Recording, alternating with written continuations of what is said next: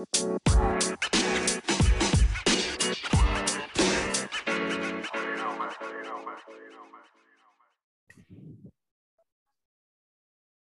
god dag og velkommen til nok en episode av Jordbrukspodden. I dag har vi vært så heldige at vi har fått med oss Harald Moskvild. Eh, både bonde og aktiv i MDG. Eh, du Harald, kan ikke du si litt om deg sjøl, hva du driver med og engasjementet ditt i MDG, og kanskje litt om historikken din fra, fra start og til nå, sånn at lytterne våre blir litt bedre kjent med det? Ja, det kan jeg gjøre. Takk for at uh, jeg ble invitert.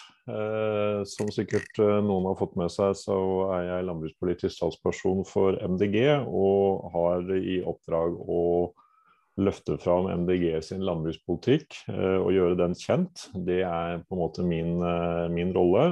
og også på en måte holde kontakt med en del organisasjoner og aktører innenfor landbruk. Sånn sett er det spennende å møte dere. og jeg er sjøl eh, bonde, eh, oppvokst på gårdsbruk og driver gårdsbruk i 35 eh, år, inntil jeg har solgt til min sønn i år. Driver økologisk de siste 20 åra ca. Driver såkornproduksjon økologisk for Felleskjøpet. Pluss at jeg har testa ut litt forskjellige gamle kornarter, uh, svederugspelt uh, osv. Uh, så det er på en måte min, uh, min bakgrunn sånn. så har jeg jobba med landbruk også i jobbsammenheng, for gårdsbruk er en sånn størrelse at det er vel å regne som en tilleggsnæring. så i jobbsammenheng så har jeg jobba med agroøkonomi som økonomisystem, som kanskje noen kjenner meg fra. Eh, og også driver med regnskap og rådgivning overfor landbruk, sånn at jeg sånn sett eh, har lært landbruk å kjenne fra forskjellige vinkler. Så jeg har tatt dette med meg inn i MDG. Eh, Starta som politiker i 2015, hadde ikke vært politisk aktiv før den tid. Men hadde gjennom arbeid med økologisk landbruk og også et, eh, et flysvingsanlegg som jeg bygde i 2010 eller noe sånt, sett at det å tenke miljøvennlig, det å gjøre ting litt annerledes, det var jo ikke akkurat sånn helt enkelt i forhold til politikken. Så det var, følte vel egentlig også at det var behov for å gå inn i politikken for å pushe på for å få, få grønne løsninger. Eh, da fant jeg MDG, og har siden da sittet på fylkestinget i eh, henholdsvis Vestfold og nå Vestfold og Telemark for eh, Miljøpartiet. Og jobba med en god del med næringsutvikling, god del med, med, med arealplaner og, og, energi. Og jordvern har da vært en ganske viktig sak for meg. Men så har jeg da gjennom den rollen som landbrukspolitisk også engasjert meg på landsplan, og prøvd da som nevnt å løfte MDGs landbrukspolitikk. Så det er litt om meg. Veldig interessant, eh, Harald. Du, kan du si litt om partiprogrammet MDG på mat, eh, som dere har, som heter Mat og landbruk? For jeg leser gjennom det. og eh, Der blir en kanskje litt overraska, for vi blant og mange andre har vel kanskje hatt en litt sånn forutinntatthet i forhold til MDG, i forhold til husdyrproduksjon, kjøttproduksjon. Når en kikker på programmet deres, så er det jo ikke noe sånn um, Her ønsker vi å redusere kjøttproduksjonen med 30% eller så mye sånn. Det er jo rett og slett faktisk ganske um, veldig mye positivt for landbruket. Spesielt det her med at dere ønsker å basere selvforsyningsgraden på norske ressurser opp mot 60% innen 2030. Og her er det da um, Vil ikke du si litt om, om programmet deres på en måte å fjerne litt mytene og få fram hva dere egentlig vil med norsk landbruk? Ja takk, det kan jeg gjerne gjøre. Det som er litt av utfordringen der, er jo at eh, MDG eh, Altså hvis MDG kun eh, blir eh, tatt eh, til inntekt for å tenke CO2-utslipp, så kan det liksom være lett å tenke at hvis det er bare CO2-utslipp som står i hodet på oss, så er det liksom kjøttkutt som liksom er hele greia. Der skal, skal man kutte kjøtt over, over hele fjøla. Eh, men så er jo MDG både i programmet og, og, vi som medlemmer utrolig opptatt av mangfold, naturmangfold, ta vare på naturverdier. Eh, og vi er opptatt av eh, å unngå monokulturer i forskjellige sammenhenger. Og I den sammenhengen så blir jo det å altså Når man ser på helheten, så blir jo det å ikke utnytte utmark og arealer i Norge som, som egner seg til husdyr, det vil rett og slett være uetisk. og Det er sett i denne sammenhengen at vår landbrukspolitikk da heier på landbruket men samtidig da utfordrer landbruket til å, eh, til å endre seg i retning av å utnytte potensialet i arealene på en enda bedre måte. Men det vil si både å utnytte de arealene som egner seg til gress, men også utnytte de arealene som egner seg til korn og til grønnsaker og til andre, andre vekster. Eh, men for å få til dette her, så er jo vår politikk at vi trenger flere bønder og ikke færre, som på en måte egentlig har vært landbrukspolitikken de siste 30 åra. Og som er en ganske systematisk nedjustering av en, av en, næring. Men vår erfaring, og som er vår politikk, det er jo at eh, hvis vi skal klare oss å få et landbruk som både utnytter potensialet eh, i jorda vår, og har, er en, er en lokalmat, og har en god dyre, dyrevelferd og også en god bærekraft, så trenger vi mange bønder. Og ikke stadig færre, sånn som vi ser at de andre partiene heier på. Og den tankegangen der, den eh, har jeg fått veldig mye positive tilbakemeldinger for i landbruket, når jeg, når jeg får lov til å presentere den i litt mer enn den ene setningen som da sier 'kutt sånn og sånn med, med kjøtt'. Mm. Det kan vel egentlig si er nesten mer ambisiøst enn eh, en Senterpartiet. Vedum var jo ute og sa det at uh, man sannsynligvis fortsatt har en bruksnedgang tidligere. Sånn at det er jo veldig positivt at man faktisk ønsker å få flere bønder. Og jeg tror de fleste bønder ønsker heller å få flere kollegaer nå enn å få uh, færre. Men uh, det er jo et faktum at fortsatt så har vi en bruksnedgang. så det viktigste er vel å, å, bevare dem vi har, eller hva tenker du om det? Og starte i den enden og faktisk sørge for at vi, vi får redusert dem som gir seg?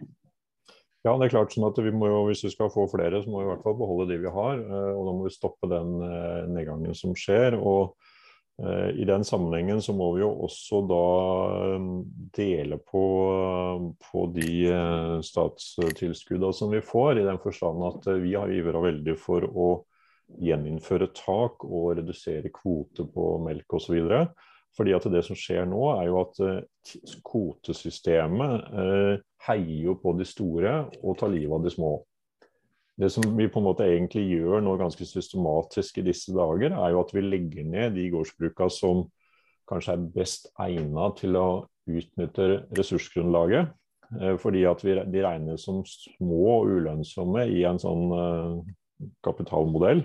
Så legger vi ned de.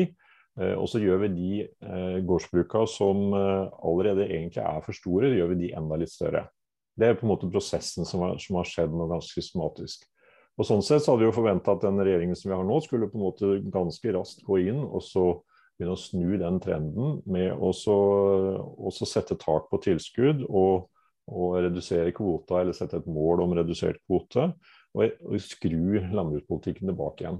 Fordi det er helt nødvendig. Og, og i den sammenhengen så må, også, eh, så må, vi bedre lønnsomheten for de små. Mens det vi ser nå, er at eh, hver gang man på en måte kommer med noe nytt på landbrukspolitikken, så bedrer man lønnsomheten for de store, og de utkonkurrerer de små.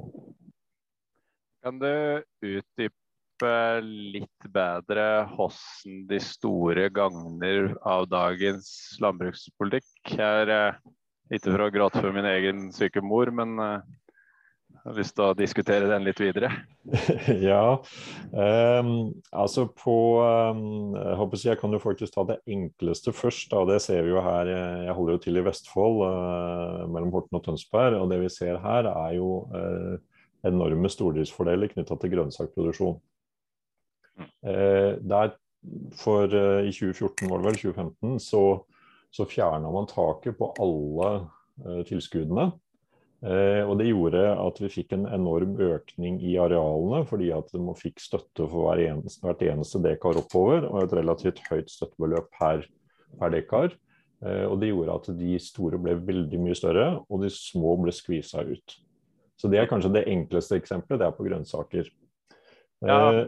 Men så har du jo da på, på Eh, på ku så har du eller på, på, storfe så har du noe av det samme, men der har man jo kanskje hatt noe motstrøms i sone 1 med at man har tatt vekk eh, arealtilskuddet. Eh, men vi ser jo det at det er, det er en favorisering allikevel for stordrift. Det lønner seg å på en måte putte på med, med dyr. Jeg i hvert fall følger jeg i hvert fall fullt ut på det som du sier om om eh, grønnsaker der. fordi det som er særegent der, er at de har en helt annen markedstilgang kanskje, enn det som disse husdyrproduksjonene med, med, målpriser har. da. Uh, og så ja, og grønnsaker, jo... grønnsaker så har man betydelig rasjonaliseringsgevinst. Uh, ja. og, og, de har også en, en veldig uh, mye bedre posisjonering overfor markedet, som du er inne på. altså De får de beste kontraktene med Bama, for å ta det helt konkret. Mm, ja, ja. Ja, det, det, det, det ser nå, og jeg, jeg, tror ikke det er en, en sunn vridning som du, som du er inne på. Men jeg tror at det på en måte har jo vært et sånn jeg vet ikke om du kan være enig i at det kanskje har vært litt sånn eh, ja takk, begge deler kanskje på f.eks. mjølk. da. Du har på en måte heia litt fram eh, eh, større produksjoner, og du skal ha Hvis du skal bygge, så skal produksjonen bli større osv. Men så fort du har fått bygd, så ser du at det drar med seg kostnader som dagens system ikke har tatt høgde for at det er i en større drift med melkeproduksjon. Eh, du var vel en del inne på det òg i, i denne artikkelen i, i, i, Nasjonen eh, nå nylig. Det der, blant annet med at du var skuffa over at egenkapitalen ikke var tatt med i, i rapporten da, for å synliggjøre bondens økonomi. det Ja, mer si det. Ja, det er helt riktig det. Og du kan si at eh, politikken har på en måte heia på at man skal bli større, men, men den er jo kanskje det er litt sånn, det er litt sånn tvega heiing, for å si det sånn, som er ikke mm. helt, helt gjennomført. at det er som du sier, at man heier mest før det er bygd. Ja. Eh, og så ikke fullt så mye etterpå. Og det som jeg var litt inne på i den artikkelen i Nasjonen, er jo at det man oppdager etter at man har bygd, det er jo den voldsomme arbeidsomfanget. Uh, som på en måte kommer som en bumerang etterpå. Og så når du da kombinerer det med en høy gjeldsgrad, så kan vi begynne å snakke om psykisk helse, som vi så vidt snakka om før programmet her. Eh, så det er liksom en blanding her, og, og, men det har vært en ganske kraftig dreining mot at skal du få tilskudd til å bygge, skal du få lån til å bygge, så må du liksom bli dobbelt så stor si, hver gang. Mm. Eh, og Det er en ganske kraftig vridning. og Det som vi også ser, som vi er bekymra for i Miljøpartiet, det er jo at konsekvensen av disse som blir vesentlig større, det er en ganske dårlig bærekraft. Eh, I den forstand at vi får betydelig transport, eh, og vi får betydelig påkjenning både psykisk og fysisk på, på bonden. Eh, og i verste fall så får vi også, så får vi også betydelig påkjenning på, på, dyra, i den forstand at det blir vanskelig å gi en god dyrevelferd. Det er ikke dermed sagt at det er umulig å gi den når man er stor, men, men press, totalpresset kan gi det resultatet. Ja, nei, helt enig med deg. og Bare for å ha presisert deg, så, så er jeg ikke en tilhenger av stordrift. Det, det var bare for å synliggjøre litt med sida av de forskjellige produksjonene. Mm. Jeg kan komme med en liten kommentar på sida der. Jeg er helt enig i at politikken tilrettelegger ved utbygging for en, en, større drift enn på en måte egentlig har arealressurser til, og egentlig bruket kan bære, både arbeidsmessig og ressursmessig. Men det vi ser, i hvert fall den landsdelen jeg er til nå, Trøndelag, det at før så hadde vi bare de små gårdene som ga seg egentlig. Og de store på en måte utvida og, og holdt drifta i gang. Nå har vi en betydelig større andel melkeprodusenter spesielt, som er store, gode, rasjonelle bruk. Som faktisk har da et fjøs som kanskje er ti år gammelt, eh, med robot og et mekanisert fjøs, som har slutta fordi produksjonsøkonomien er såpass svak. Eh, Bl.a. ett fjøs eh, nedenfor Trondheim så produseres det eh, kunstgress. Og, ikke kunstgress, men plen. Ja. Så, sånn at det har på en måte snudd litt. Ja, politikken stimulerer til større drift, men det er faktisk sånn at produksjonsøkonomien nå er såpass svekka at både små, mellomstore og større bruk har en timesbetaling som er, er veldig lav. da. Ja, det, det mønsteret syns jeg kanskje ser både på de melkebrukene som du nevner, og vi ser det egentlig også litt her på Østlandet på, på kornbruka også, at det er en del i den mellomsjiktet som slutter. Eh, og, og, det gjør at du får liksom Og så blir disse enhetene da, tillagt de som allerede er store fra før, og så får du enda større enheter, så du forsterker denne, denne strukturrasjonaliseringa. Mm.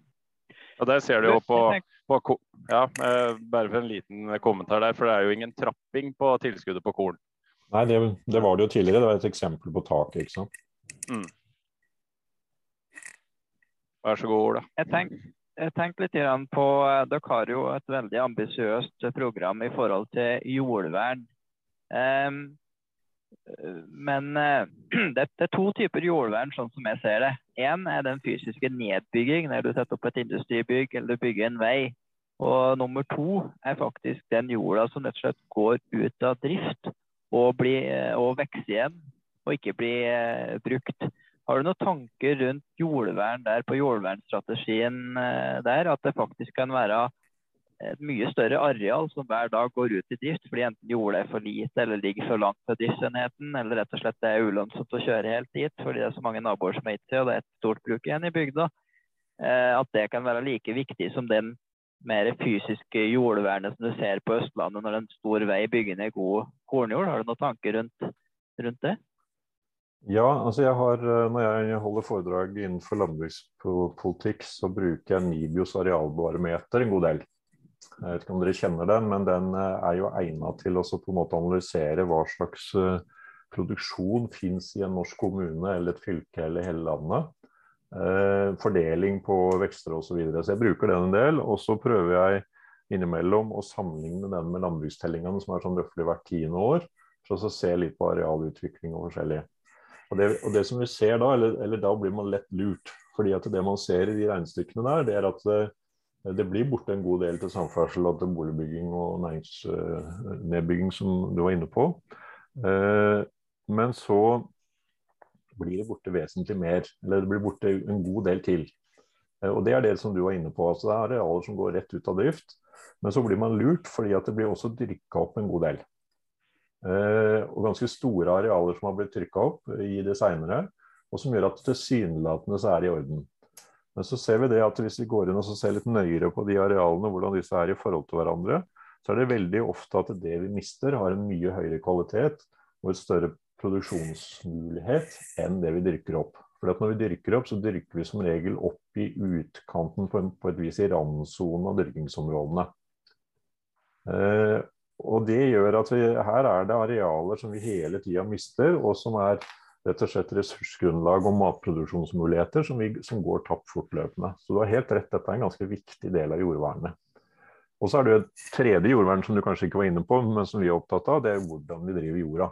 Altså hvorvidt vi klarer å opprettholde jordas fruktbarhet og Der har vi en god del forslag som går på knytta til tilskuddssystemene. At man kanskje i større grad skal gi tilskudd til hvordan produksjonsformen din er, med hensyn til å ta vare på jorda og bygge, bygge karbon og organisk materiale.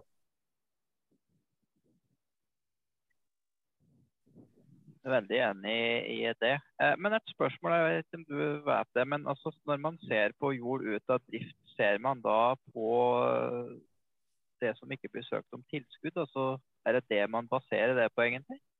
Ja, jeg tror, eller det er den eneste måten jeg har klart å regne meg fram til det. Men det er et godt spørsmål, fordi det er ikke sånn veldig god statistikk på det tallet der.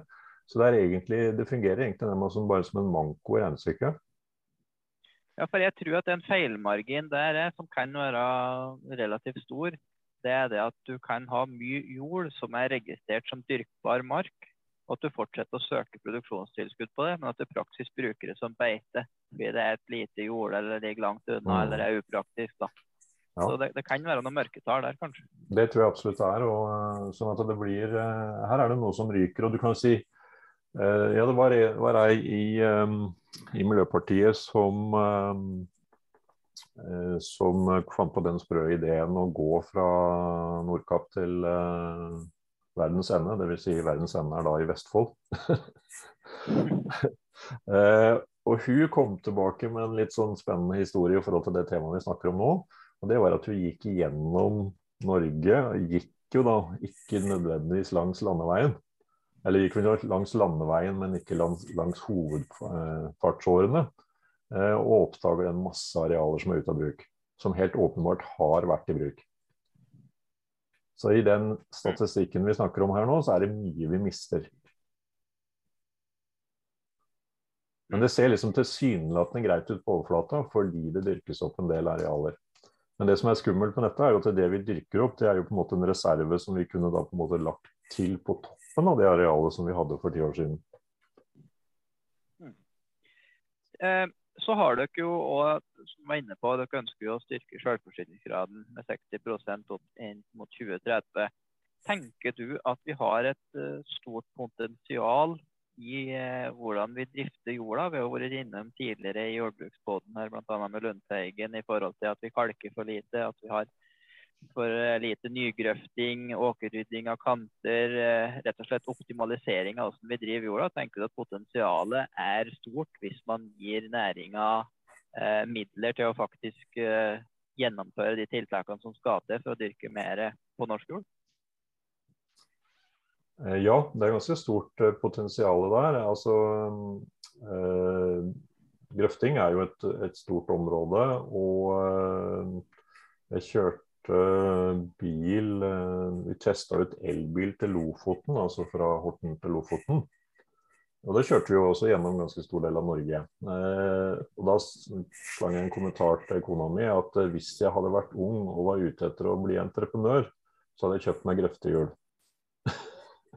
For vi, kjørte, kjørte, en sommer som det regna relativt mye, og så mye som kunne vært grøfta. Eh, nå var det, en, det er en veldig enkel analyse, for det var jo da langs hovedveiene. Men, men allikevel så kjenner jeg landbruket såpass godt at det er, det er stort potensial på grøfting. Eh, men så er det også et annet område som jeg er opptatt av, og det er jo at det er også stort potensial med hvordan vi driver jorda. Altså dette med regenerativt landbruk har veldig mye for seg. Eh, og forskjellig beitepraksis, som for så vidt det er en del av opplegget der, har mye, mye for seg. Men så vil nok mange liksom, mange vil på en måte si at våre 60% selvforsyning er, er helt umulig. Eh, og da er jo vår, vårt svar på det at det er umulig hvis vi fortsetter å dyrke det samme som vi gjorde for ti år siden, eller som vi gjør i dag. Vi er nødt til da å utnytte potensialet på jorda vår på en vesentlig bedre måte enn vi gjør i dag. Eh, og da er vi inne på hva vi dyrker på jorda. Eh, I dag så bruker vi jo 90% av arealet til dyrefôr. Og så skjøter vi til med å kjøpe kraftfôr og og soya og andre bestanddeler fra utlandet i tillegg til de 90 eh, og der er det jo sånn at da, da er det lett å si at vi kan slutte med det innkjøpet fra, fra utlandet, og så skal vi være selvforsynt på, på fôr til egne dyr. Men da kan vi jo ende opp med at vi har 100 til fôr til dyr. Sånn at det som har vært litt av min kjepphest i forhold til det, for at det skal være mulig å tenke en beredskap og selvforsyning på 60 det er at vi må blande produksjonen i mye større grad. Så jeg har jo utfordra husdyrbøndene over hele landet til å se om det er mulig å, å, bruke den jorda som på en husdyrgård har et ganske stort potensial også for å dyrke andre vekster, til å blande inn både korn og grønnsaker og forskjellige vekster på den samme gården eller i den samme grenda eller den samme kommunen. Og Det tror jeg er nødvendig hvis vi helt da skal tenke oss en reell selvforsyningsgrad på 60% Men du ser ikke for deg en liten motsetning der? da? For tidligere har man jo tenkt at her gjelder det å styrke kanaliseringspolitikken og faktisk da produsere mer grønnsaker og korn osv. i de gode områdene og i de husdyrintensive områdene. At man kjører på bare med, med, med gress. Du ser ikke noen motsetninger der? da? Jo, altså kan, Man kan jo lett tenke at det er en motsetning, men du kan si vi er nok, eh, jeg er nok der at kanaliseringspolitikken har nå eh, på en måte hatt en, hva skal vi si, den har hatt en god periode. Men nå har den kanskje på en måte bikka over, sånn at nå begynner vi da også å se, se ulempen med den i begge ender. Eh, og det vi ser er at f.eks. Eh, kornarealet på Jæren har falt ganske systematisk de siste 15 åra. Eh, og, og, tilsvarende så har jo da på en måte grassarealet i korndistriktene falt dramatisk. Og det Vi ser er at vi får en, form, vi får en monokultur på begge steder, og vi får også noe utarming. Eh, sånn at Det vi på en måte er ute etter her, er egentlig at hvis vi skal tenke optimal bruk av jord, så må vi blande. Og Det handler jo også litt om at en veldig ensidig kornproduksjon eh, gir ikke nødvendigvis de beste resultatene. Altså, Den kan jo faktisk trenge eng innimellom. Og Så er det spørsmål hvordan gjør vi det. Men dette er kompliserte saker fordi vi har kjørt en kanaliseringspolitikk over lang tid. Eh, som, som, da har på en måte sagt liksom, at vi skal ha husdyr der og skal ha korn der og grønnsaker der. Eh, men jeg tror ikke den er på en måte farbar å forsterke den videre og ytterligere gå i samme spor. sånn at vi ønsker egentlig også å justere kursen på det området. Kan jeg komme med en liten påstand i kanskje hva som kunne vært en mulighet der? Altså La oss si det at uh, vi skal redusere import av fôr. Da må vi kanskje ta ned ytelse noe. Uh, vi ja. må ha hyppigere grashøsting, altså dyrke bedre fôr osv. Det fører jo til at du tar litt lavere avlinger, skal du høste et veldig intensivt fôr. Og kan man se for seg da at du rett og slett stimulerer produksjon i typiske grasområder til en mer hermetegn ekstensiv, litt lavere ytelse, men basert på mer hjemmeavla fôr? Sånn at du da reduserer produksjonen på en måte av produktet, men du opprettholder verdiskapninga for den enkelte bonde ute på gårdene.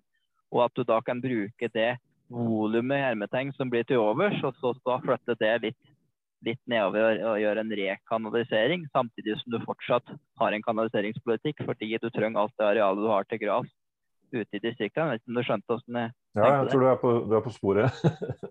det er noe sånt når vi tenker på.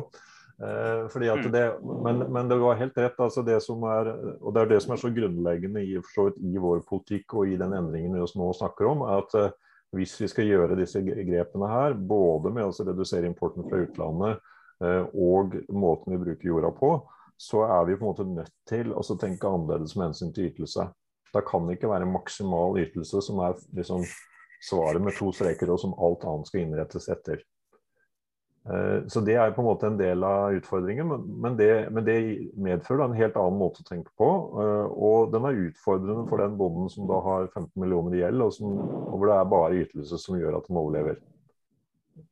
Så dette, dette er ganske, Men det som er på en måte vår, vårt poeng, da, det er at eh, vi kan ikke tenke at vi bare skal forsterke den politikken vi har i dag, og så skal det bli bra for bøndene. Så vi må rett og slett snu Eh, og, og, gjøre en rekanalisering og, gjøre, og, og, tenke oss om hvordan er vi driver landbruk. Driver landbruk på, basert på importerte varer, hvor vi da kjører for fullt og får en høy ytelse med høye kostnader, eller skal vi gjøre det på en helt annen måte? Mm. Det som alltid er litt bekymringa mi i, i, omveltninger, er jo som du er inne på, dem som har investert og tilpassa seg en produksjon så jeg bare syns det er veldig viktig å ha det i bakhodet for alle politikere. At når man skal gjøre endringer, så gjelder det å bruke gulrot og ikke pisk. Og da Et forslag kunne det vært å ha et slags, slags toprissystem. Altså at du får en tilskuddsvridning der du f.eks. hvis du reduserer kraftfòrandelen så og så mye, så hopper du opp i en tilskuddssone. Altså at du, gjør det fortsatt like lønnsomt på en måte i hermetegn. Eller at du, ikke, ikke, du, du strøyper ikke lønnsomheten for den som driver sånn som du gjør men du på en måte gir den gulrota til at de kan tilpasse seg et, et nytt system. Jeg tror det ja. noe sånt kunne ja, det er noe sånt når vi skal fram til. Og så er jeg eh, Når vi tenker landbrukspolitikk, så tenker vi langsiktig. Sånn at det jeg egentlig er ute etter når det gjelder de tingene vi snakker om her, det er jo egentlig å få til en skikkelig debatt på hvordan skal landbruket se ut. Og så skal det ikke bli sånn neste år. Men vi skal lage en plan for fem eller ti år hvor vi gjør denne vridningen, og hvor du kommer til det målet. Eh, og Det betyr jo også at hvis vi f.eks. innfører tak og innfører kvotereduksjoner osv., så, så kan vi heller ikke gjøre det som over natta.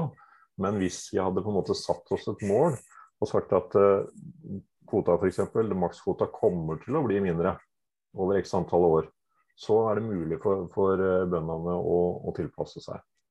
Eh, dette er en langsiktig næring. Det, er liksom ikke ja, Med unntak av kylling og, og, gris er det liksom ikke gjort en håndvending å snu på en produksjon. Verken med, med måte å fôre på eller hva du satser på. sånn at det må være en langsiktighet i denne politikken. Og Sånn sett så haster det jo da også for den nye regjeringen som har kommet nå, til rett og slett endre retning. og Sånn som vi ser, så har jo ikke de gjort det enda. Vi hadde kanskje håpet at det kom i statsbudsjettet som var lagt ut her om dagen. Mm. Eh, når du sier langsiktig system, eh, nå er vi jo inne i en tid her der vi skal ha på plass en jamstillingsplan. Man har eh, en regjeringsplattform som ønsker en høyere selvforsyningsgrad, opp i 50% Vi har noen støttepartier her, som bl.a. dere, som ønsker det, og kanskje ønsker å gå enda lengre. Hva tenker du om i forhold til at det er en så viktig sak, altså hvordan vi driver matvareproduksjon i Norge, og hvordan de psykososiale forholdene til faktisk den som produserer maten er. Er det rom her for et bredt stortingsforlik og tenke litt langsiktig eh, rundt det her? Ja, det burde jo være eh, egentlig. Eh, og jeg hadde jo kanskje håpa at regjeringa hadde på en måte liksom både invitert til det og på en måte satt standarden.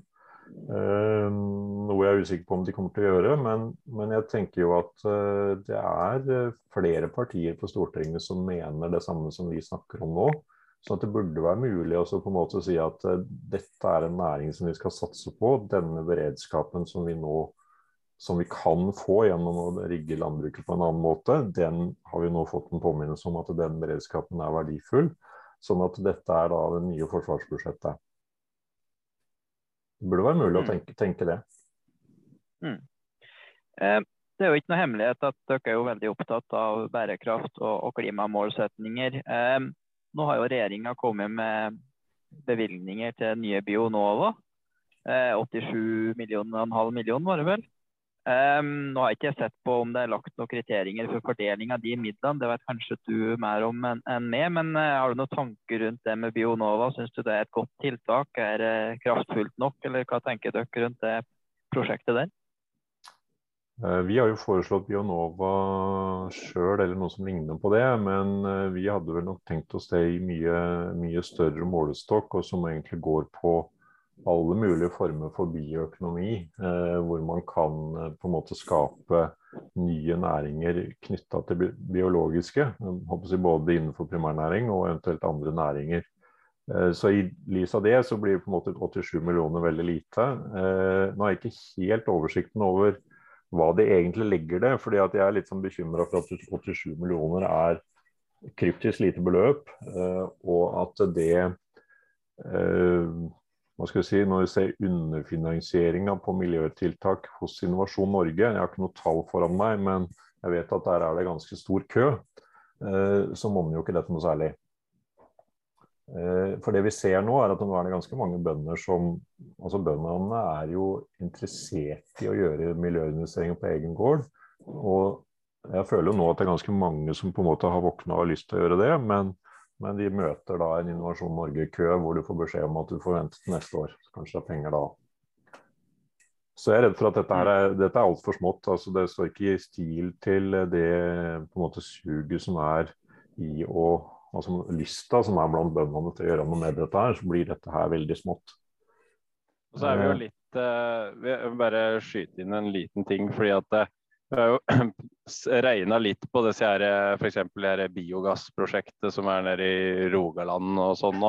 Så er det jo eh, blir jo på en måte stimulert til at det her er, dette her er bra for landbruket osv.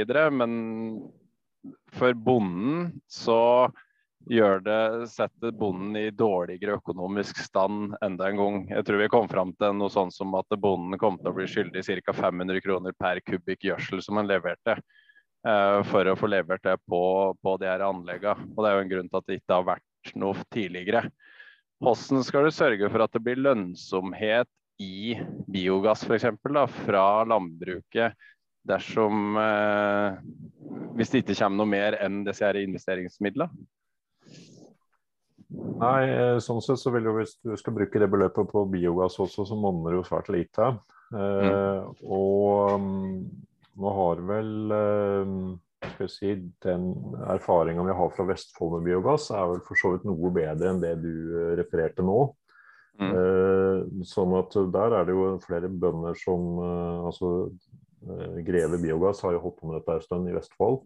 Mm. Eh, og der er det flere bønder som leverer eh, gjødsel inn, men de har jo kanskje skapt noe av lønnsomheten med at det er såpass stor andel matavfall Mm. Eh, for det samles jo inn matavfall fra Asker til Skien, et eh, ganske stort område med mange, mange innbyggere. Eh, så det regnestykket er nok noe bedre. Dette er jo på en måte litt sånn problematisk, som du er inne på, hvis, hvis på en måte betalingsviljen for biogassen er så dårlig at bonden har egentlig fått en, en ny lavinntektsnæring, så er det ikke akkurat ja. det bonden trenger. Nei, det er, det er det jeg som Jeg er veldig opptatt og svært positiv til, til å få til uh, sånne type nye uh, ringvirkninger da, fra, fra den næringa her. Men jeg er så uh, utrolig bekymra for økonomien sånn den er i dag. Sånn at vi må se hvilke hvilke kontantstrømmer da, du som økonom, hvilke kontantstrømmer utløser den investeringa her? For at hvis kontantstrømmen er nøyaktig det samme som den alltid har vært, så betyr det jo veld, veldig enkelt at det her, må du, det her må du ikke gjøre hvis du ønsker uh, en uh, bedre økonomi. Uh, og jeg, jeg, er litt sånn opptatt av, som vi òg har prata med andre om når det gjelder dyrevelferd òg, Hvorfor kunne vi ikke fått inn et, en, en, tekst som sier at krav som krav som skal stilles både når det gjelder både klima og når det gjelder dyrevelferd. Eh, der må investeringen ha en positiv nåverdi, sånn at da har du autom automatisk en sum som må følge med. Eh, ref det her med produksjonsøkonomi da, i etterkant. Ja, og det Um, ja, så, ja, det må det til. For du kan si at det, man liksom tillegger bonden en del oppgaver her. Eh, mm. Og, så, og, så, forventer man egentlig at bonden skal bare være med på, på laget, og så er det ikke noe økonomi i det. Mm. Eh, eller økonomien er svak, sånn at den bare som i beste fall bidrar. Eh, og Det er problematisk, og det er jo utfordrende med flere av miljøtiltakene egentlig. Eh, og Det betyr jo egentlig at eh, staten må jo da bruke eh, si, penger som man tar inn på CO2-avgift på andre områder burde jo vært med og finansiert dette her. Mm. Uh, så dette er jo et eksempel på at uh, staten driver jo med, med, negativ klimastøtte, i den forstand at uh, oljebransjen fikk jo en gavepakke i, under koronaen, og som mm. opprettholdes. og mm. gavepakken er jo enorme dimensjoner. Uh, jeg sjøl har jobba med økonomi hele livet, og jeg ble jo sjokkert når jeg leste olje, oljeskatteloven. Jeg trodde jo det var feil. Fordi at de, i oljeskatteloven så hadde man jo en avskrivning, en lineær avskrivning på seks år på store investeringer før oljeskattepakken kom. Eh, og Det ville vært en gavepakke for enhver bonde eller næringsdrivende å kunne avskrive en maskin til 800 000 på seks år. Det hadde vært fint. Mm. Det hadde gitt en brukbar skatteeffekt hvis man, hvis man hadde overskudd, da, vel å merke. Mm. Eh, og Så kommer oljeskattepakken under koronaen, og så, og så, får man lov til å utgiftsføre investeringen. Ja. Og Det sier jo litt om, det sier ganske mye om hvor mye penger det er mulig å støtte en næring hvis man har en vilje. Mm. Eh, og vi, vi, ser jo ikke noe i nærheten av det innenfor landbruk, og, og da blir jo 87 millioner eller hva det var, til eh, Bionova, det blir jo da liksom eh, Det blir jo da bare småpenger i forhold til det vi ser på andre næringer. Det er litt interessant. Eh, mulig jeg drar litt for, litt for langt ut på sida her nå, men for å gå over til noe litt mer grønn energi, da. Uh, så har jeg lyst til å uh, prate bitte litt om nettselskapene våre og den infrastrukturen som er der. for det har vi vært inne med Eh, prata med flere om. Eh, der er det jo eh, motsatt akkurat når du prater på det her med, med, avskrivninger. For de har jo da en I forhold til det resultatet de har mulig å oppnå, da, så må de være like effektive som et referansebruk, nei, eller referanseselskap da, i, i nettsammenheng. Eh, og Der handler det jo faktisk om å få flere år å dele avskrivningen på, slik at du blir like effektiv som det mest effektive selskapet. Der har vi jo allerede en modell som er vedtatt i Stortinget, som regulerer hvilke, eh, hvilke muligheter som ligger innenfor en inntektsramme. Da. Har du eh, gjort noen betraktninger rundt det? Lest noe om, om det som har blitt masa om i forhold til NVE-modellen? Jeg har nok ikke gått i dybden på den, eh, men jeg har registrert litt av det samme som deg. Eh, men om den på en måte er noe overførbar, vet jeg ikke. Men det som er på en måte litt eh, utfordrende for, for kraftverka, også småkraftverka, er jo at du har et misforhold mellom faktisk overskudd og, og et, et slags produksjonsskatt. Mm. Så den er jo ganske utfordrende, så den vil jeg i hvert fall ikke kopiere, for å si det sånn. Nei. Så, men eh, det, jeg tror det blir litt komplisert å gå inn i denne der. Ja. Eh, dere er jo inne på det her med i programmet eh, fossilfritt innen 2030. Noen ganger så kan det jo føles som at politikere tar et tall og setter et årstall. Og man kan lure litt på hvordan har de kommet fram til akkurat det. Er det egentlig gjort noen utredninger på hvordan potensial landbruket sitter på i forhold til grønn energi? Eh, varmegjenvinning, bioenergi, sol, vindkraft osv. Har man liksom Staten liker å utrede ting. Har man liksom utreda eh, norsk landbruk i forhold til hva vi egentlig kunne levert av e- egen energi, hvis det hadde vært lønnsomt, eller støtteordninger eller etc.? Eh, Staten har nok gjort det i veldig liten grad. Eh, Jeg gjorde en del undersøkelser for to år siden knytta til potensialet for solenergi innenfor landbruket. Eh, Nå vet jeg ikke om jeg klarer å ta de tallene på strak arm, men hvis jeg skal prøve å ta det på hva jeg husker, så mener jeg at jeg kom fram til at hvis landbruket hadde dekka 15% av takarealene, så ville det dekka alt strømforbruk i egen bransje. Eh, Men det er masse feilmarginer i det regnestykket, for å si det sånn. Eh, Men det som er på en måte litt av greia i den sammenhengen som jeg er opptatt av, det er at landbruket kan spille en rolle i forhold til både solenergi og, og for så vidt også vindkraft og, og varmegjenvinning, som du sier. Eh, av den grunn at landbruket har arealer, og da både skal jeg si, på bakken, men også arealet på tak. Sånn at jeg tror vel når det gjelder solenergi f.eks., så er potensialet for solenergi i Norge er på en måte kraftig undervurdert. Vi har mye større muligheter enn en det vi ser. sånn at hvis vi hadde overført disse oljeskattepakkene som jeg så vidt var innom, overført det til lokal energiproduksjon, så kunne vi fått til mye spennende i kombinasjon med en bransje som landbruket. Ehm, Så har vi jo landbrukets klimaplan. Vi hadde jo med landbrukspolitisk statsperson fra Venstre som mente at det var kanskje ikke et smart grep av jordbruket å skulle ha en egen klimaplan. Um, så mener vel jeg at det som jordbruket har gjort der, og skrive under på, er jo faktisk at man skal finansiere det her sjøl. I en næring som, der vi har så dårlig lønnsomhet og har hatt det over tid, med så stort vedlikeholdsetterslep, er det egentlig realistisk å tro det at jordbruket skal finansiere sine egne klimautslipp? Nei, det tror jeg ikke er realistisk. Det er jo litt det samme som vi snakka om i stad. at Da, eh, da vil man på en måte påta seg eventuelt gå inn i en bransje som har en, en svak lønnsomhet, som, som da istedenfor å støtte opp under lønnsomheten på gårdsbruket, ytterligere forverrer den, eller i hvert fall ikke styrker den. Um, så jeg er vel av den oppfatning at uh, hvis, um, hvis, altså når man gjorde en avtale med staten i denne klimaplanen, uh, så hadde nok landbruket og også for så vidt jeg forventa at uh, en del, altså det er to parter i en avtale, og at staten da også skulle bidra med midler til, til å oppfylle avtalen.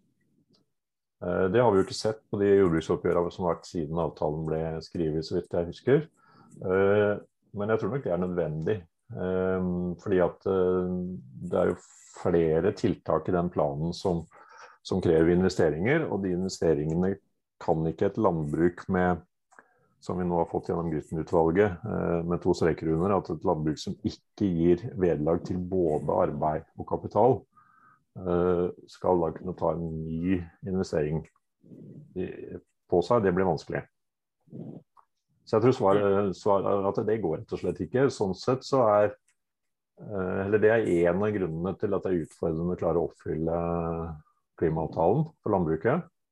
Eh, en annen grunn eh, som, som, vi er spent på, og som gjør at vi da foreslår at vi må rett og slett gjøre noe med måten vi produserer på, istedenfor bare å tro at den produksjonen skal bli mye mer miljøvennlig, det er at det er ganske ambisiøse henvisninger til forskning knytta til både genetikk og altså at man skal gjøre dagens landbrukspolitikk mye mer miljøvennlig og med et vesentlig lavere uh, forbruk gjennom avl og, og utvikling.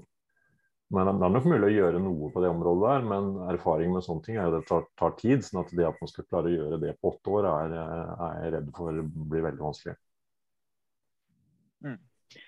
Kan jeg komme med en liten påstand, for jeg er jo av dem som er litt eh, frustrert over at eh, landbruket blir klimasynderen. Altså Når du snakker om kuer som fyter, og så sitter de på og leser om det i et magasin på vei til Syden i et fly Altså, Vi bønder er jo relativt nøysomme eh, folk, og har ofte et i hvert fall for meg selv, altså et lavt privatforbruk. Og jeg føler at hele tida å snakke om CO2-ekvivalenter og, og, og, klimagasser er et litt feilspor.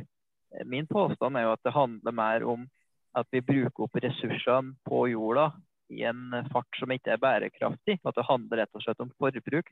Hva tenker du med din bakgrunn i forhold til at vi har et økonomisk system at du hele tida skal ha vekst i forbruk, som en basis for økonomiens framgang. Burde vi ikke heller begynne litt der, istedenfor å begynne med kuer og sauer som promper? Jo, altså det, Nå er du inne på det store spørsmålet. Dette er utrolig spennende. fordi at eh, Jeg tenker jo som så at det som Altså hvis, For å nå eh, klimamål, redusere utslipp som gjør at kloden fortsatt er levelig, så handler fryktelig mye om å sette ned farta på livene våre. Det handler om at vi liksom alt vi holder på med, så må vi på en måte bokstavelig talt sette ned farta litt, sånn at det er bærekraftig. For du kan si det, det hjelper ikke at vi spiser kortreist mat hvis vi spiser den på en restaurant i New York etter at vi har gjort en flyreise. Eh, det er, det er, noen kortslutninger der som gjør at Og det er litt av det samme. altså Norge og Erna Solberg var jo veldig stolt av at Norge har gjort så mye på klima fordi vi har en elbilpolitikk. Eh, men det ville jo være vesentlig bedre om vi hadde hatt en, en kraftig jernbaneutbygging som gjorde at fryktelig mange færre trengte bil nummer to. Det hadde gjort store utslippsreduksjoner, også ressursreduksjoner. Eh, og vi er vel, Norge er vel da kanskje det landet i, i hvert fall det landet i Skandinavia, eller egentlig Europa, som flyr mest av alle. Sånn at bokstavelig talt å sette ned farta på reisene våre ville Eller er det som må til. Og I den sammenhengen så pleier jeg å fremheve egentlig distriktsinnbyggeren eh, som bor en eller annen plass i Norge. Hvis den innbyggeren har arbeidsplassen sin i nærheten, det har jo bonden. Og bruker nærnaturen i det som måtte være fritid, som dessverre bonden ikke har så mye av, men bruker nærnaturen i fritida, så er det vanskelig å slå den personen i lavt utslipp. Da hjelper det ikke hvor mye elbil du har, eller hvor uh, kortreist mat du spiser, eller, eller, hvor du bor hen, i hvilken leilighet, hvordan den ser ut. Fordi at da har du da har du spart en masse ressurser med at det du holder på med, det er da relativt nært. Eh, så her, her hjelper det å sette ned farta. Dessverre så handler veldig mye lite om, i den politiske diskusjonen om det. Men det er noe som vi prøver å fremheve, og det handler jo rett og slett om å ta vare på naturen og nyte naturen. Og treffe andre mennesker ut i naturen istedenfor å reise til den andre siden av kloden for å sitte på en restaurant som ligner på den som du har i, i nabobyen. Fordi han er i samme kjede. Det er litt interessant, fordi vi, ja, vi bare følger opp den bitte litt. For det prater vi om med eh, Alfred Bjørlo i Venstrom òg. Hvis vi skal eh, spise mindre kjøtt, da, er det riktig at maten kanskje bør bli litt dyrere?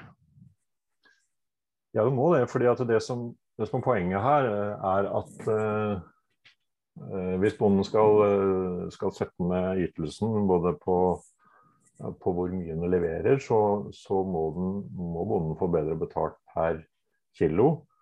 Men hvis vi spiser mindre kjøtt, uh, så kan vi også betale mer for det kjøttet som vi spiser. Eh, for det som skjer nå, er jo at eh, dessverre så har jo da den kanaliseringspolitikken og for så vidt den stordriftstankegangen gjort at man presser prisen stadig nedover. I prinsippet skal liksom maten bli billigere og billigere. Nå blir den ikke det akkurat nå, for nå går den opp. men liksom målet har vært at den skal være billigere og billigere. Og så ser vi at folk får da på en måte et sånt eh, hva skal vi kalle det for noe skjødesløst forhold til mat, sånn at man er også villig til å kaste en tredjepart. Eh, og Det har litt sammenheng med liksom for forhold til hvor, hva slags verdi maten har. Sånn at, eh, så vi må, må, sånn sett ha opp, vi må ha opp verdien på maten, og vi må ha opp verdien på, på bondens innsats for å lage den maten som vi spiser. Mm. Da skal vi prøve å pense. Jeg har igjen et litt sånn eh, spørsmål her eh, i forhold til klima og bærekraft og sånn som er litt på sida. Men så skal vi prøve å pense inn litt på det som er veldig viktig for landbruket nå om dagen i forhold til omstillingsplanen og det Grytten har kommet med. Men først, er du enig i en påstand om at det blir litt symbolpolitikk mye av det vi driver med? Altså vi bruker 20 milliarder på elbilsubsidier i året. Og så hvis du ser på togbilletten din f.eks. og kikker rundt deg på toget, i hvert fall utenom Oslo, når du tar litt distriktstog, så er det god plass. Det er plass til flere folk. Men så betaler du jo moms for å kjøre tog, samtidig som du trekker fra moms for å kjøpe bil som du sitter én person i. Hvis man virkelig mener alvor i forhold til klima og bærekraft, så gjør man ikke grep som gjør det mer lønnsomt å ta kollektivtransport, f.eks., som er så enkle å gjøre. Ja, nei, Det har jeg stussa fælt over. Eh, nå gjør vi det lokalt. så vi, eh, Vårt parti klarte å presse ned månedsprisen på buss i Vestfold fra 760 kroner til 500 kroner nå i høst. Eh, og det gikk jo på en sånn greie. Det var snakk om å, at det var færre som tok bussen pga. korona. Og så sa vi det at da kan vi jo starte med å lage en hyggelig månedsbillett. Og det var heldigvis mulig. Oslo gjør noe av det samme. Eh, men toget er jeg helt enig med deg, det er altfor dyrt. Eh, jeg regna litt på det her nå fra, på en strekning på åtte mil, hvor jeg fant ut at uh, togbilletten kosta det samme som bilgodtgjørelsen, og det er jo helt feil. Togbilletten skulle vært vesentlig billigere. Det skulle ikke være mulig å kunne på en måte sende reiseregning til arbeidsgiver eller til, til fylkeskommunen på det samme som med bil som med, med togbilletten. Da mangler du en, en, tydelig favorisering av det miljøvennlige alternativet. Og Det var det jeg også mente innledningsvis, at uh, hvis vi klarer å fjerne uh, grunnen til at du må ha bil nummer to, eller bil nummer én, så blir, så blir utslippsregnestykket helt annerledes. Fordi Da har vi tatt vekk hele objektet, uh, og vi har også tatt vekk et voldsomt press på, på alle ressursene som finnes i den bilen. At vi, kan, vi må ikke slutte å tenke kollektivt. Men det enkleste som du sier, det handler da om å redusere prisen på den togbilletten. Og akkurat det samme gjelder det når det gjelder godstransport. At gods på jernbane er jo fantastisk i forhold til et klimaregnskap. Men det gjøres relativt lite. Det er små subsidier som gjøres for å vri over på, på gods. Nå fins det noe, og det ble videreført i statsbudsjettet, men det er bare småpenger i forhold til hva vi, vi bruker på andre siden. Da skal vi hoppe over litt eh, sånn som vi er veldig opptatt av her i jordbruksbåten, og som landbruket, i hvert fall på grasrota, er veldig opptatt av for å få til litt optimisme og framtidstro i landbruket. Og det handler om uh, jamstilling. Altså at bønder skal ha lik inntekt som gjennomsnittsinntekta i Norge. Og det handler om at det skal være på et tallgrunnlag som er representativt. Dvs. Si at uh, her skal det faktisk være mulighet til å hente ut de inntektene i snitt for næringa Um, vår påstand er jo det at jordbruksforhandlingene er bygd opp sånn at det er helt vesentlig hva bonden, eh, hvordan man regner ut hva bonden tjener. Fordi det er sånn man lager en ramme for jordbruksoppgjøret. Eh, altså man ser på hva er det bonden har tjent, hva er det samfunnet tjener i snitt, og hva er lønnsutviklinga ellers i samfunnet. Og så er det skal man tette et gap, skal man eventuelt gjøre det dårligere og lage gapet større, eller skal man ha lik utvikling som andre. Um, har du noen tanker rundt viktigheten at det er et korrekt tallgrunnlag, med tanke på at det er sånn vi faktisk utfører jordbrukspolitikken? Det er jo ikke sånn at man sier det at uh, det, her det, det, her skal vi produsere her og der i Norge, og hva koster det å produsere det? Uh, det er jo faktisk bare en basis som du lager ramma på, kanskje litt dårlig forklart, men poenget er jo det at uh, når det er bondens inntekt som definerer hva som skal bli ramma i inntektsmuligheter for bonden.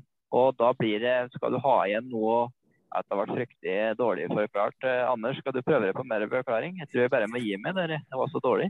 Jeg tror jeg skjønte det, men det er ikke sikkert lytteren skjønte det. Nei, men når du bruker hvert eneste år med grunnlag i hva vi skal potensielt ha tjent, for å planlegge hva vi skal tjene neste år, og det tallgrunnlaget hele veien har vært feil, er det da viktig at det tallgrunnlaget blir mer riktig? Det var vel hele poenget med Grytten-utvalget var vel at vi skulle prøve å finne ut om uh, hva som var et riktig tallgrunnlag. Uh, og jeg uh, har jo jobba med landbruksøkonomi lenge og møtt masse bønder som prøver å få dette tallgrunnlaget til å stemme med, med de årlige jordbruksoppgjørene, og det er ikke lett. De kjenner seg ikke igjen. og det som er greia her, er jo at jordbruksoppgjøret er på en måte relativt blitt mer og mer teoretisk. Uh, og, og, du kan si de tilleggene som på en måte man har fått i, i de årlige jordbruksoppgjørene, har også blitt ganske teoretiske. altså man, man, har liksom fått høre at nå skal det bli 20 000 eller 40 000 bedre enn i fjor osv. Og, og så går året, og så er, ser man ikke noe til verken 20 000 eller 40 000 fordi at det var ting som endra seg. Eller det var feil i regnestykket som var inne på. Uh, så her er det behov for opprydding. Og det er også behov for en realitetsvurdering i forhold til dagens landbruk. Jeg pleier å si det sånn at uh, det, det, jordbruksoppgjøret som, eller det beregningsgrunnlaget som man bruker jordbruksoppgjøret i dag, på kostnadssida så er det masse feil. En av de største feila er knytta til, til kostnadene med å drive gården. Jeg slenger fram den påstanden og sier at det kostnadsbildet som ligger på en måte grunnen for totalkalkylen eller, eller i eh, jordbruksforhandlingene, den står en 15-20 år tilbake. Eh, og den tegner et bilde av et gårdsbruk hvor drifta var en del mindre. Tidsforbruket var en del mindre. Kompleksiteten var en del mindre. Og Det man da så for seg, det var at bonden hadde både tid og mulighet til å gjøre veldig mye av vedlikeholdet sjøl av forskjellige slag, både på bygninger, maskiner eh, osv. Og så har man ikke tatt inn over seg at det som er virkeligheten i dag, er at hvis en bonde driver for fullt, så har han ikke tid til å drive vedlikehold på egne bygninger eller egne maskiner. For det er rett og slett ikke timer til det. Og i neste omgang så har han heller ikke nesten ikke lov til det engang, fordi at det finnes en sånn maskinskade eller forsikring eller et eller annet sånt noe på, på traktoren, eller det går utover garantien hvis han rører på noe som helst. Eller det er såpass komplisert at det, det både må kunnskap og utstyr til, til å reparere på et styringssystem av et eller annet slag. Og dette er kostnadsdrivende så det holder. Det er ett eksempel på feilen. Og så er det mange, mange, andre feil, men det er et eksempel på, på feilen som har forsterka seg ganske mye. Og så skulle vel Grytten-utvalget å, prøve å fikse dette. Så kan dere kommentere, skal jeg prøve å si hva jeg mener om Grytten-utvalget. Får du begynne, Ola? Ja, vi kan jo bare spørre. Ja, det, vi kan jo ta litt utgangspunkt i Jeg gjorde en del av et bondeopprør som på en måte har vært litt engasjert i det kan man si. Vi har jo spilt inn en del ting som på en måte Grytten velger å ikke svare ut. da. Og fordi at Vi mener jo at mandatet til Grytten, hovedmandatet var jo å lage en beregning, sånn at du kan sammenligne med lønnsmottakeren. Og Da har vi jo vi sagt at f.eks. pensjon må de jo regne inn, fordi det er jo lovfesta pensjon for alle arbeidere. Mens bonden må jo legge det oppå de tallene. Og så har vi jo også sagt at det, i husdyr, i hvert fall drift, så må vi jo ned på eh, skiftarbeider, timetall per årsverk. Fordi du har en eh, sterk vaktordning, du har mye helgearbeid, røddager osv. Og så har vi jo tatt eh, utgangspunkt i at du er nødt til å lage en internrente i eh, totalkalkylen. Der du verdsetter den uh, kapitalen som blir brukt, og gir den en forrentning. Og så har vi jo da tatt til orde for at den forrentninga bør være lik NVE-modellen, som Anders var inne på i stad. Det kan han eventuelt uh, utdype. Har du noen tanker rundt de her uh, prinsipielle innspillene som har kommet fra grasrota, som uh, vi mener er feil med dagens måte å ja, altså det som eh, De innspillene var jo for så vidt ganske tydelig til, eh, til, utvalget. Eh, og det var jo disse områdene som dere nevnte nå, og som da innbefatter kapital, eller altså avkastning på egenkapitalen. Og så var det jo dette med, med jordleie og, og kvoteleie og de, de tinga der som på en måte også, var, også mangla. Og så er det vel kanskje bare egentlig jordleie og, og kvoteleie som, som for så vidt er svart opp. Eh, sånn at det som det som på en måte er problematisk, er at når man hopper over altså skiftproblematikken, pensjon, eh, egenkapitalavkastning eh, Hopper over disse her, så, er man jo ikke i mål. Altså det er jo på en måte ikke noe hjelp i å si at vi, det tallet som vi da har regna ut, som da har disse feilene i seg, det skal vi sammenligne med en, en yrkesgruppe som har dette på plass. Altså De har skifttillegg, de har pensjonsordning, eh, og de har eh, en lønnsomhet som gir egenkapitalavkastning hvis de driver en annen næring. Eh, så, så, jeg tenker jo at det er ikke noe Grytten-utvalget har på en måte ikke, egentlig ikke svart på problemet. Altså Problemet til landbruket er at det er ikke penger til både og. Så de bøndene som, de bøndene som sliter på utstyret sitt, bokstavelig talt, det være seg både bygninger og maskiner, de får arbeidsvederlag. De får penger for arbeidsinnsatsen sin. Og de som, som, investerer, eller som har investert, og som da, hvor da de har høye kapitalkostnader, de får ikke eller får veldig dårlig betalt for arbeidsinnsatsen.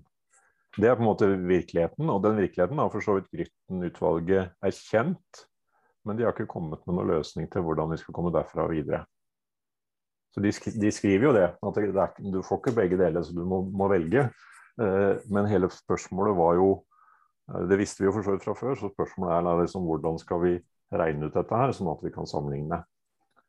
Så her er det masse feil, og vi har like, nesten like mange feil som vi begynte. Altså før, før rapporten som heter. Ja, tenker, Anders, kan du, dra ja. litt, kan du, Anders, kan du dra litt og bare forklare litt om totalkapital og hvordan det blir beregna i NVE-modellen, og så lede fram til et spørsmål der eh, i forhold til parallellen til landbruk, i forhold til avkastning på innsatt kapital? Ja, for å ta det, Jeg har jo vært i noen møter og prata med nettselskapene for å finne ut hvordan det her eh, fungerer. Ettersom det her er jo en vedtatt modell fra 2013. Eh, som da muliggjør en avkastning på totalkapitalen i hvert enkelt nettselskap. Eh, og Grunnen til at vi tar totalkapitalen, er jo rett og slett for at vi skal kunne se bort ifra hvordan kapitalen er finansiert. Eh, da vil det jo på en måte da vil det på en måte ikke få noe gevinst ved å for så vidt belåne seg opp eller ja. Eh, du, du, slipper å tenke på hvordan det er finansiert. Da. Det er det viktigste. Og så er jo den modellen rett og slett eh, lagd sånn at eh, de små nettselskapene, et lite nettselskap innerst i en dal, i en krok der det bor veldig få folk, skal kunne forsvare en investering i en trafo eller et høyspent nett for å forsyne den befolkninga som bor der, sånn at du er sikra den ressursen til eh, alle landets kroker og kriker. Eh, fordi at når du ikke har nok abonnenter på det nettet, så må du ha mer inn eh, subsidiert. da for å kunne forsvare den investeringa. Ref det her med å ha en kontantstrøm som forsvarer den investeringa du gjør. Og det som er interessant med eh, nettmodellen, er jo òg at der gjøres det jo regresjonsanalyser som går på hvilke driftsulemper du har, da, sett opp imot hvor du driver hen i landet. Der har du bl.a. Eh, om du driver i nærheten av saltvann, som har betydning i forhold til levetida på installasjoner. Du har helningsgrad hvis du skal sette opp et høyspentnett eh, i noen bratte fjorder på Vestlandet. Og du har temperaturforskjeller, snømengder, nedbør etc. Eh, og da veldig likt hvordan tankegangen er i forhold til driftsulemper i, i landbruket. Uh, og den, sånn jeg leser oppsummeringa til Grytten, er jo egentlig at Eh, de sier noe om at et alternativ for å sette på det her i forhold til å få inn effektivitet og hva som på en måte hva du vil kreve av den, eh, de subsidiene du setter inn, da, det er også å drive etter det de kaller best resultat. Og nettselskapene drives jo da etter et referanseselskap, som jeg sier, der 60 eh, av dette referanseselskapet sine kostnader blir satt på kostnadsramma, og 40% av selskapets egne kostnader. Og Der ser vi at det, vi kan ikke se på hvert enkelt bruk i landbruket sine egne kostnader, men der har vi gode, gode verktøy tenker jeg da, gjennom driftsgranskningen og de referansebruka som vi har, hvis vi får vaska de eh, bruka skikkelig, da, sånn at de blir eh, statistisk kredible.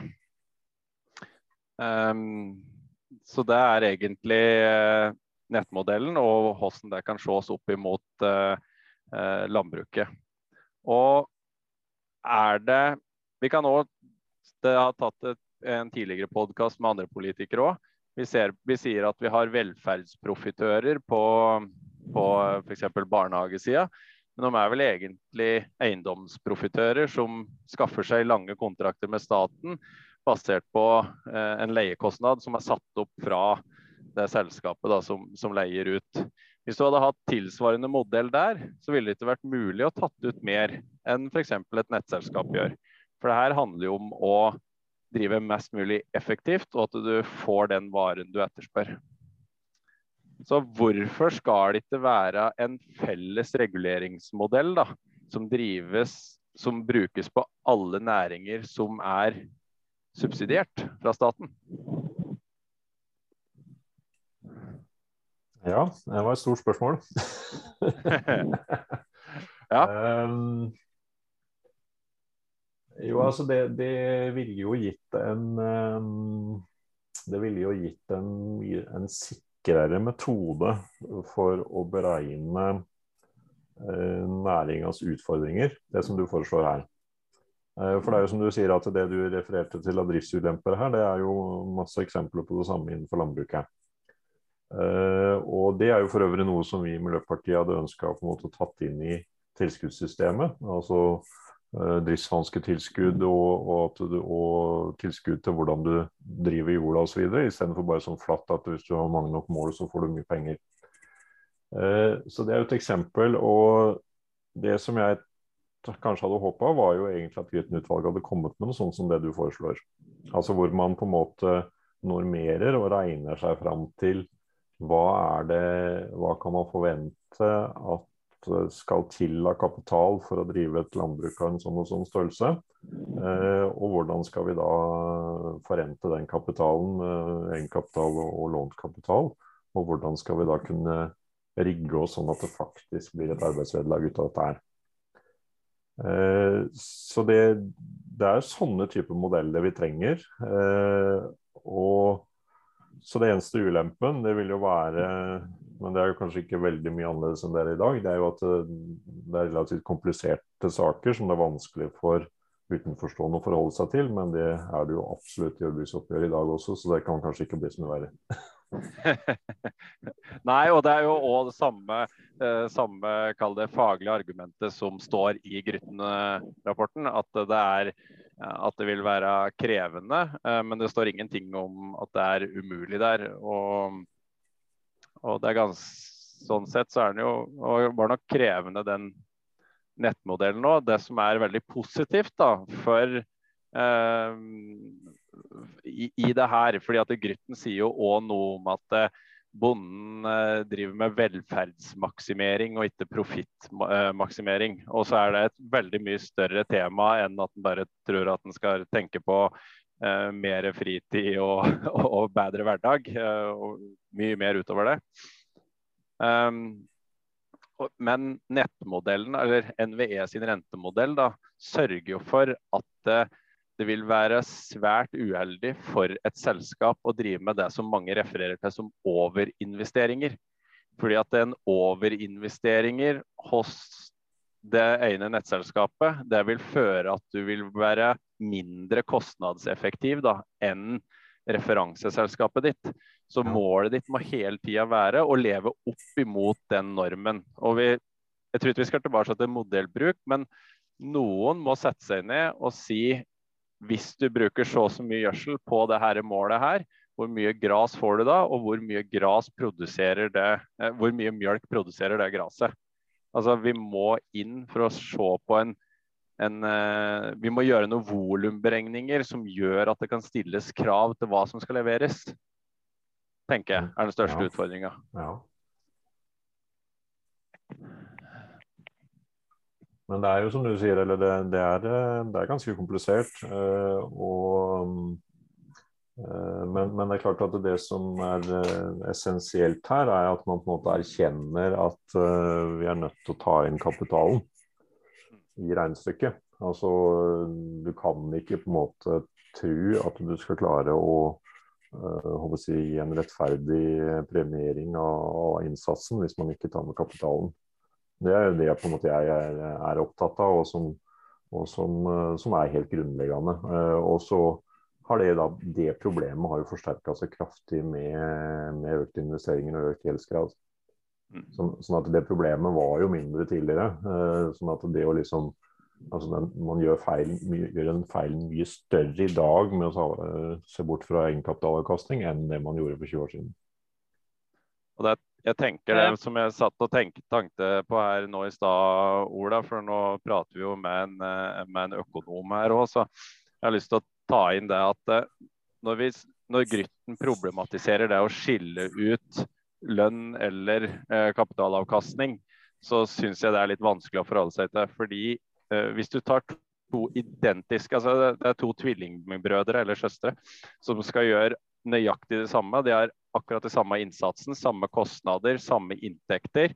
Det ene driver et AS, og det andre driver et enkeltpersonsforetak.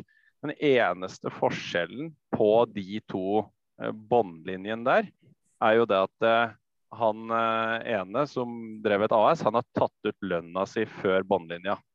Mens den andre broren har både avkastning og lønn på bånd, altså enkeltpersonsforetaket. Mm. Det er jo ingen Altså hvis en kun bestemmer seg enten for et avkastningskrav eller lønn, så må det som du sitter igjen med, være det motsatte. Og, og, det, Du kan blande inn masse komplisert sånn, skatteberegninger og sånn her i forhold til AS og enkeltpersonsforetak, men det er ikke poenget. Hvis du kun ser på de ja, enkle kontantstrømmene. Ja. så er det fullst, altså, jeg ser ikke på det som en sånn kjempevanskelig oppgave, annet enn at du kan kvie deg litt for og bestemme deg for hva som er lønna eller avkastninga i landbruket gitt at du ikke har fullstendig kontroll på tallgrunnlaget den dag i dag. Men det var vel en del av oppgava. Det var det. Så, sånn at jeg tenker jo at det liksom Den, eh, den forskjellen mellom de to, eh, to søstrene her, den, den, må jo eh, utjevnes. Ellers, ellers er det på en måte Det blir på en måte litt sånn tullete å si at, at den ene skal være forskjellig. Så jeg hadde jo forventa at Eh, altså Det er på en måte greit å si at det overskuddet enkeltpersonforetaket får, skal dekke begge deler, men da må man jo fortsatt skille de to, sånn at man kan måle den ene mot annen lønnsinntekt eller annen arbeidsinntekt. Mm. Eh, så det er veldig overraskende at man ikke gjør det, for det er egentlig hele problemet. Eh, og det blir jo, jeg vet ikke Det er jo ikke godt å skjønne hvordan vi da skal si at vi har landa eh, en inntektsutjevning, eller altså en, eh, at vi har tettet gapet. da. Mm. Altså, hvordan skal vi om fire år, eller hvordan vet vi at vi da i år har tetta gapet med 40 000-50 000, som vel kanskje var planen?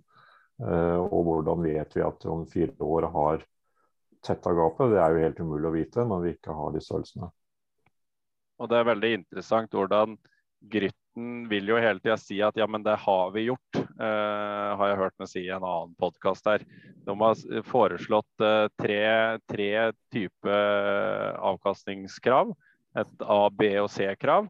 Men da er vi litt tilbake på det som du òg skriver i, i, din artikkel i, i Nasjonen.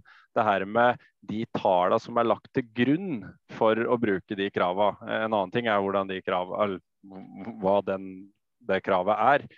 Men her bruker de jo da eh, gårdsregnskap eller skatte, skatteregnskap og ser på eh, de resultatene som er der. Eh, samtidig som de har fjerna de to tredjedel dårligste resultatene fra tallgrunnlaget. Og det kan kanskje du spinne litt mer rundt om, fordi det er jo du skriver ganske godt om i, i, i Nasjon. Ja, altså det, det, var jo på en måte en litt sånn merkelig øvelse, det der med å, det med å fjerne de, de, dårligste. Det kan man jo spekulere i hva man hadde tenkt at man skulle få ut av det. Så, men samtidig så er jo også rapport altså, regn, altså Man bruker jo også skatteregnskap her. Mm. Og det er jo også en feilkilde av dimensjoner. Så det er Det er overraskende at man ikke klarer å, å skille dette bedre fra hverandre. Altså, det er ikke det, det, er fullt mulig å gjøre det. Som du har vært inne på, med forskjellige modeller så er det fullt mulig å skille det fra hverandre. Mm. Så, så, det er ikke noen umulig oppgave. sånn at det, det, er liksom veldig rart at man på en måte stopper stopper arbeidet med en sånn rapport, hvor man egentlig da stopper før man, man har svart. Mm. Jeg er litt tilbake til Jeg hører jo det at du er veldig tydelig, akkurat som oss, at en må ha en viss kapitalforrentning. Skal en kunne si noe om hva som er arbeidsvederlaget i jordbruket. og Det syns jeg er veldig bra at du er så tydelig på. Eh, så drar jo Anders da den parallellen og forklarer litt hvordan det fungerer i eh, nettselskapsmodellen. Er du enig i vår påstand er at her er parallellene så store i forhold til hvordan eh, staten tilrettelegger for hva som skal være en forrentning på innsatt totalkapital i nettselskapene, at de parallellene til landbruket i forhold til at vi driver i distriktene og vi er en samfunnskritisk tjeneste som leverer både strøm, eller at nettselskapene leverer strøm, vi leverer mat, at man kan bruke samme modellen i forhold til hva som skal være forrentningen på innsatt kapital i jordbruket? Ja, eh, jeg vet ikke om jeg har eh, eh, Jeg har fulgt, fulgt podkasten din eller videoen din, Anders. Men jeg vet ikke om jeg har satt meg godt nok inn i modellen til å svare eksakt ja på det. Men det er mye symmetri her. Det er det. Og så, så jeg må si at jeg, det høres fristende ut å tenke at det her er såpass mye likt. Mm, mm. Det kan vi komme tilbake til ved en senere anledning, kanskje. Eh, og så et par, Nå begynner jo tida å gå fort, og respekt for tida di, men et par spørsmål til her. Som spinner litt videre på hva Grytten sa. Eh, han peker jo på at uh, det er frykt for overinvesteringer, og han peker jo på at mange som tjener lite, kan ha overinvestert. Hvis vi tenker i forhold til klima og bærekraft og sånt som dere er opptatt av, når vi ser andre næringer, hvis du skal vinne en brøytekontrakt med kommunen f.eks., så kan du ikke ha en traktor som er gamlere enn fem år, f.eks. at du har steg to-motor eller steg tre osv.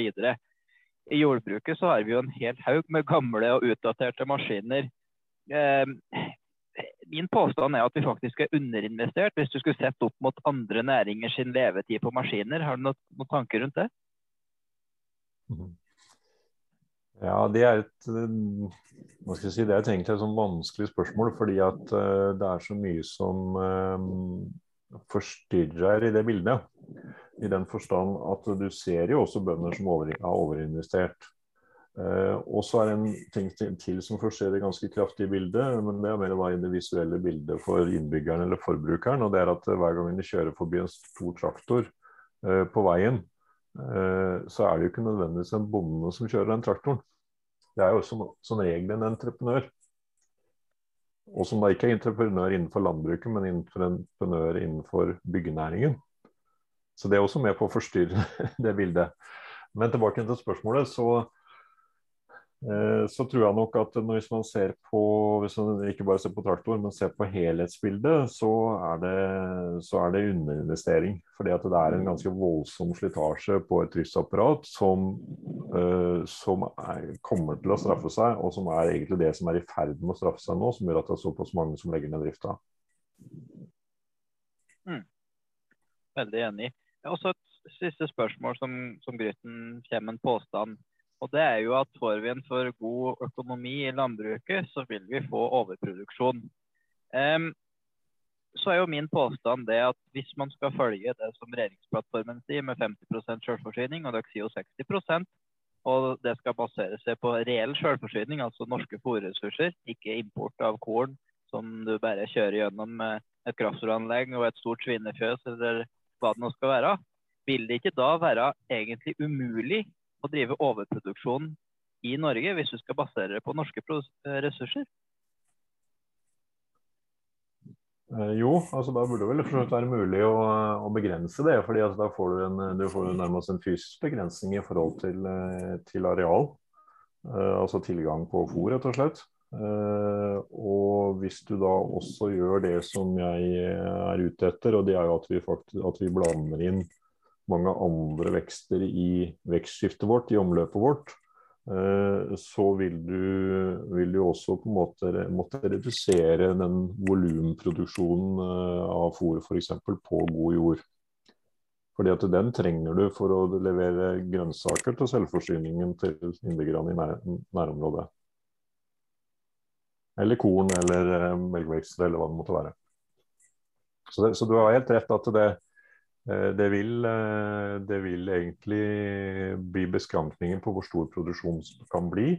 Og så kan vi bidra til å unngå den overproduksjonen med å, å regulere tilskuddssystemet, slik at det heller ikke lønner seg å, å, øke så mye. For det er jo også det som skjer nå, at når det på en måte er helt åpent og du kan bare putte på med areal eller dyr og få på en måte betalt for det, Eh, så, så, er det ikke noe, på en måte ikke noe sperre på det.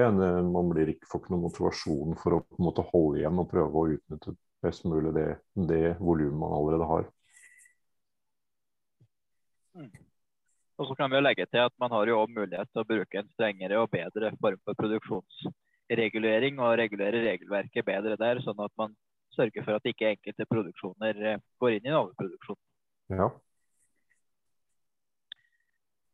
Nei, men Da må vi eh, kanskje begynne å runde her. Det var veldig interessant å prate med deg. og Du er en meget kunnskapsrik eh, kar. og Vi håper at kanskje vi kan ta opp tråden igjen på ettervinteren eh, eller noe i den duren, og se litt hva som har skjedd siden den praten vi har hatt. Det er jo mye som skal skje med jamstillingsplan og en plan for økt selvforsyning osv.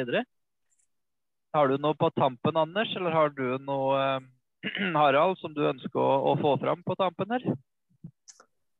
Ja, det som jeg vil uh, understreke, det er egentlig at vi må, uh, vi må øke mangfold i landbruket. Uh, Dvs. Si både produsenter, store og små, og vekster. det er jeg veldig opptatt av. og det tror jeg landbruket kommer til å tjene mye på framover. at vi tar vare på de små vi skal ikke da knuse de store, men vi skal ha alle sammen. Og at vi da dyrker en drøss med vekster langt utover det relativt begrensede utvalget som vi har i dag.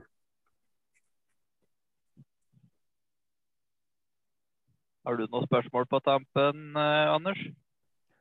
Ja, ett spørsmål. Eh, og det var litt sånn som Jeg, jeg veldig, blir veldig glad når jeg hører eh, hører uh, de prater om landbrukspolitikk, og vi får prata godt igjennom hvert enkelt partis landbrukspolitikk.